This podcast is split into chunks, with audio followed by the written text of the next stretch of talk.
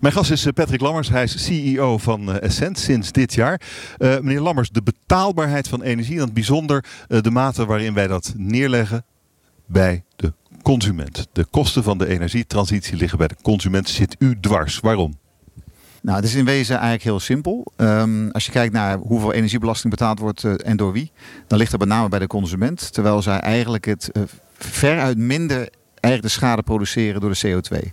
Dus die ligt met name bij de industrie. En het belastingstelsel in Nederland is in wezen nu zo dat die belasting bestraft eigenlijk verbruik bij de consument. Maar ook weer niet, want als je gewoon veel minder verbruikt, dan zie je nog steeds, en dat was vandaag ook in het AD te zien, dat mensen zeggen ja, het heeft zo weinig zin, want die netwerkkosten blijven hoog, SD Plus blijft hoog, de energiebelasting blijft hoog. Dat zie je allemaal aan de consumentkant liggen. Dus eigenlijk wordt daar wat uh, een prikkel gegeven die niet werkt. Terwijl aan de andere kant bij de uh, energie-intensieve industrie, die hebben een degressief belastingstelsel. Hoe meer ze gebruiken, hoe minder ze betalen.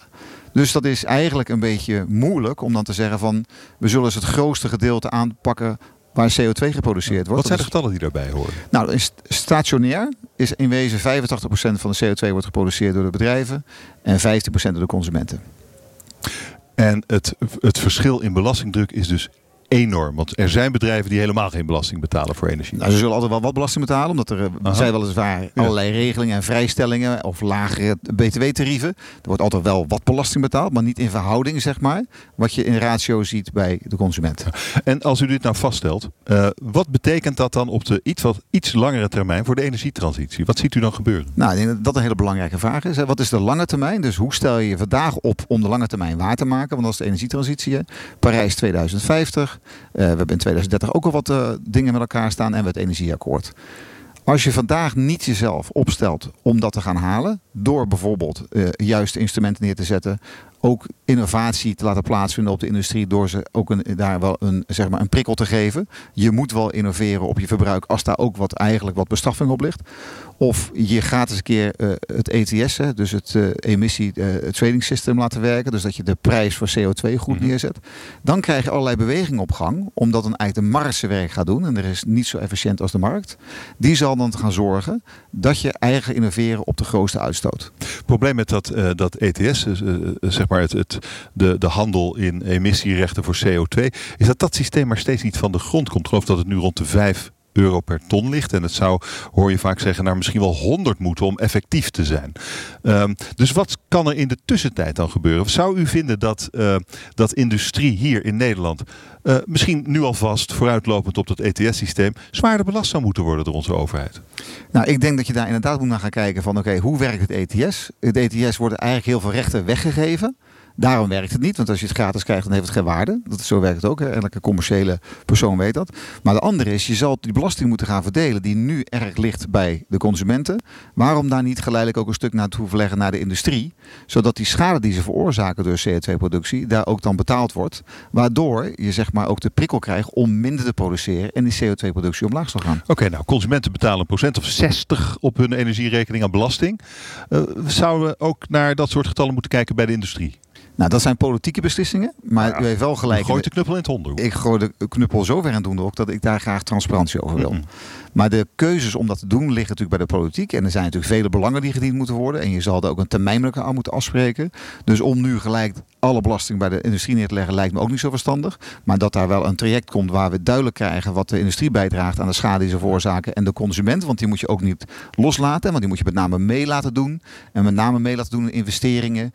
Uh, en dan de hele klantsfilosofie op loslaten. Zodat je over eigenlijk je hele leven niet alleen voor je pensioen zorgt, maar ook voor je, eigenlijk je energie zorgt. Waarom betaal ik eigenlijk 60% belasting op de energierekening? Waarom is dat?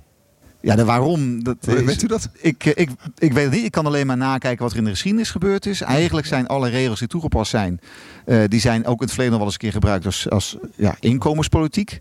Ja, is dat zo verstandig? Daar kan je een groot vraagteken bij stellen. En dat zijn wel de zaken die overgebleven zijn. Aan de andere kant zijn mensen natuurlijk bang voor werkgelegenheid of dat fabrieken weggaan en dat soort zaken. Mensen zeggen, ja, die moeten we met name natuurlijk vrijstellen van allerlei zaken, want anders gaan ze weg. Dat is ook vaak een reflex die je hoort. En daarbij werkt denk ik ook nog een keer uh, in ons nadeel, wat ook ons voordeel geweest is. Elk voordeel heeft een nadeel. Dat als je heel veel gas hebt, dan trekt dat ook bedrijven aan die heel veel gas gebruiken. En dat is natuurlijk in het verleden zo gebeurd. Nou, dat droogt nu aardig op. Uh, niet alleen zeg maar, doordat die bel een beetje leeg raakt, maar ook door alle problemen die we in Groningen hebben.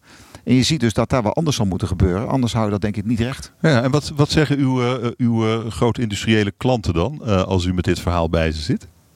Nou, mijn grote industriële klanten, die uh, zijn met name uh, zo best wel goed op de hoogte van de energiemarkt. Die kopen vaak uh, direct op de energiemarkt, op de, op de beurs kopen zij hun energie of, of laten ze of nemen ze hun posities. Dus die hebben, daar hebben we het niet over, want die prijzen zijn volledig transparant. ja, ik, ik heb nog niet met andere mensen over gesproken wat die daarvan vinden. We, we komen er nu mee uit, zeg maar, om dat eens aan de kaak te stellen. Mm omdat wij ook zien dat die grote industrieën hebben niet zoveel moeite om een rekening te betalen. Maar ik zie wel dat 8% van het klantenbestand dat wij hebben, wel moeite heeft om de rekening te betalen. En als je daar dus te veel nog op gaat leggen, want we zijn nog maar net begonnen met energietransitie, we zijn nog niet eens heel lang bezig. Dus er moet nog heel veel gebeuren, er moet nog heel veel geïnvesteerd worden. Dus als dat allemaal daar weer terechtkomt aan die kant van de, uh, van de balans, dan zal het nog zwaarder gaan wegen. En ben ik bang dat nog meer mensen moeite zullen gaan krijgen om de rekening te betalen. Ten tweede, niet iedereen kan meedoen aan die voordelen die nu er zijn om zonnepanelen te doen, om te salderen, dat soort zaken. En ten derde, je innoveert niet op die industrie. Dat is eigenlijk een soort uh, sociale agenda. Ik denk dat was wij, waar, die je nu erbij haalt. Ja, wij als cent moeten natuurlijk wel ook midden in de, in de maatschappij staan. En ons hele bedrijf is erop gericht om duurzame energie uh, te maken en te, en te verdelen en te verkopen. En we zijn erop gericht om een klantfilosofie te hebben die, die altijd uit de klant dicht bij ons moeten zijn. En vanuit de klant redeneren wij wat, wat goed is. En bedrijven zijn veel professioneler over hun energieagenda als dat consumenten dat zijn.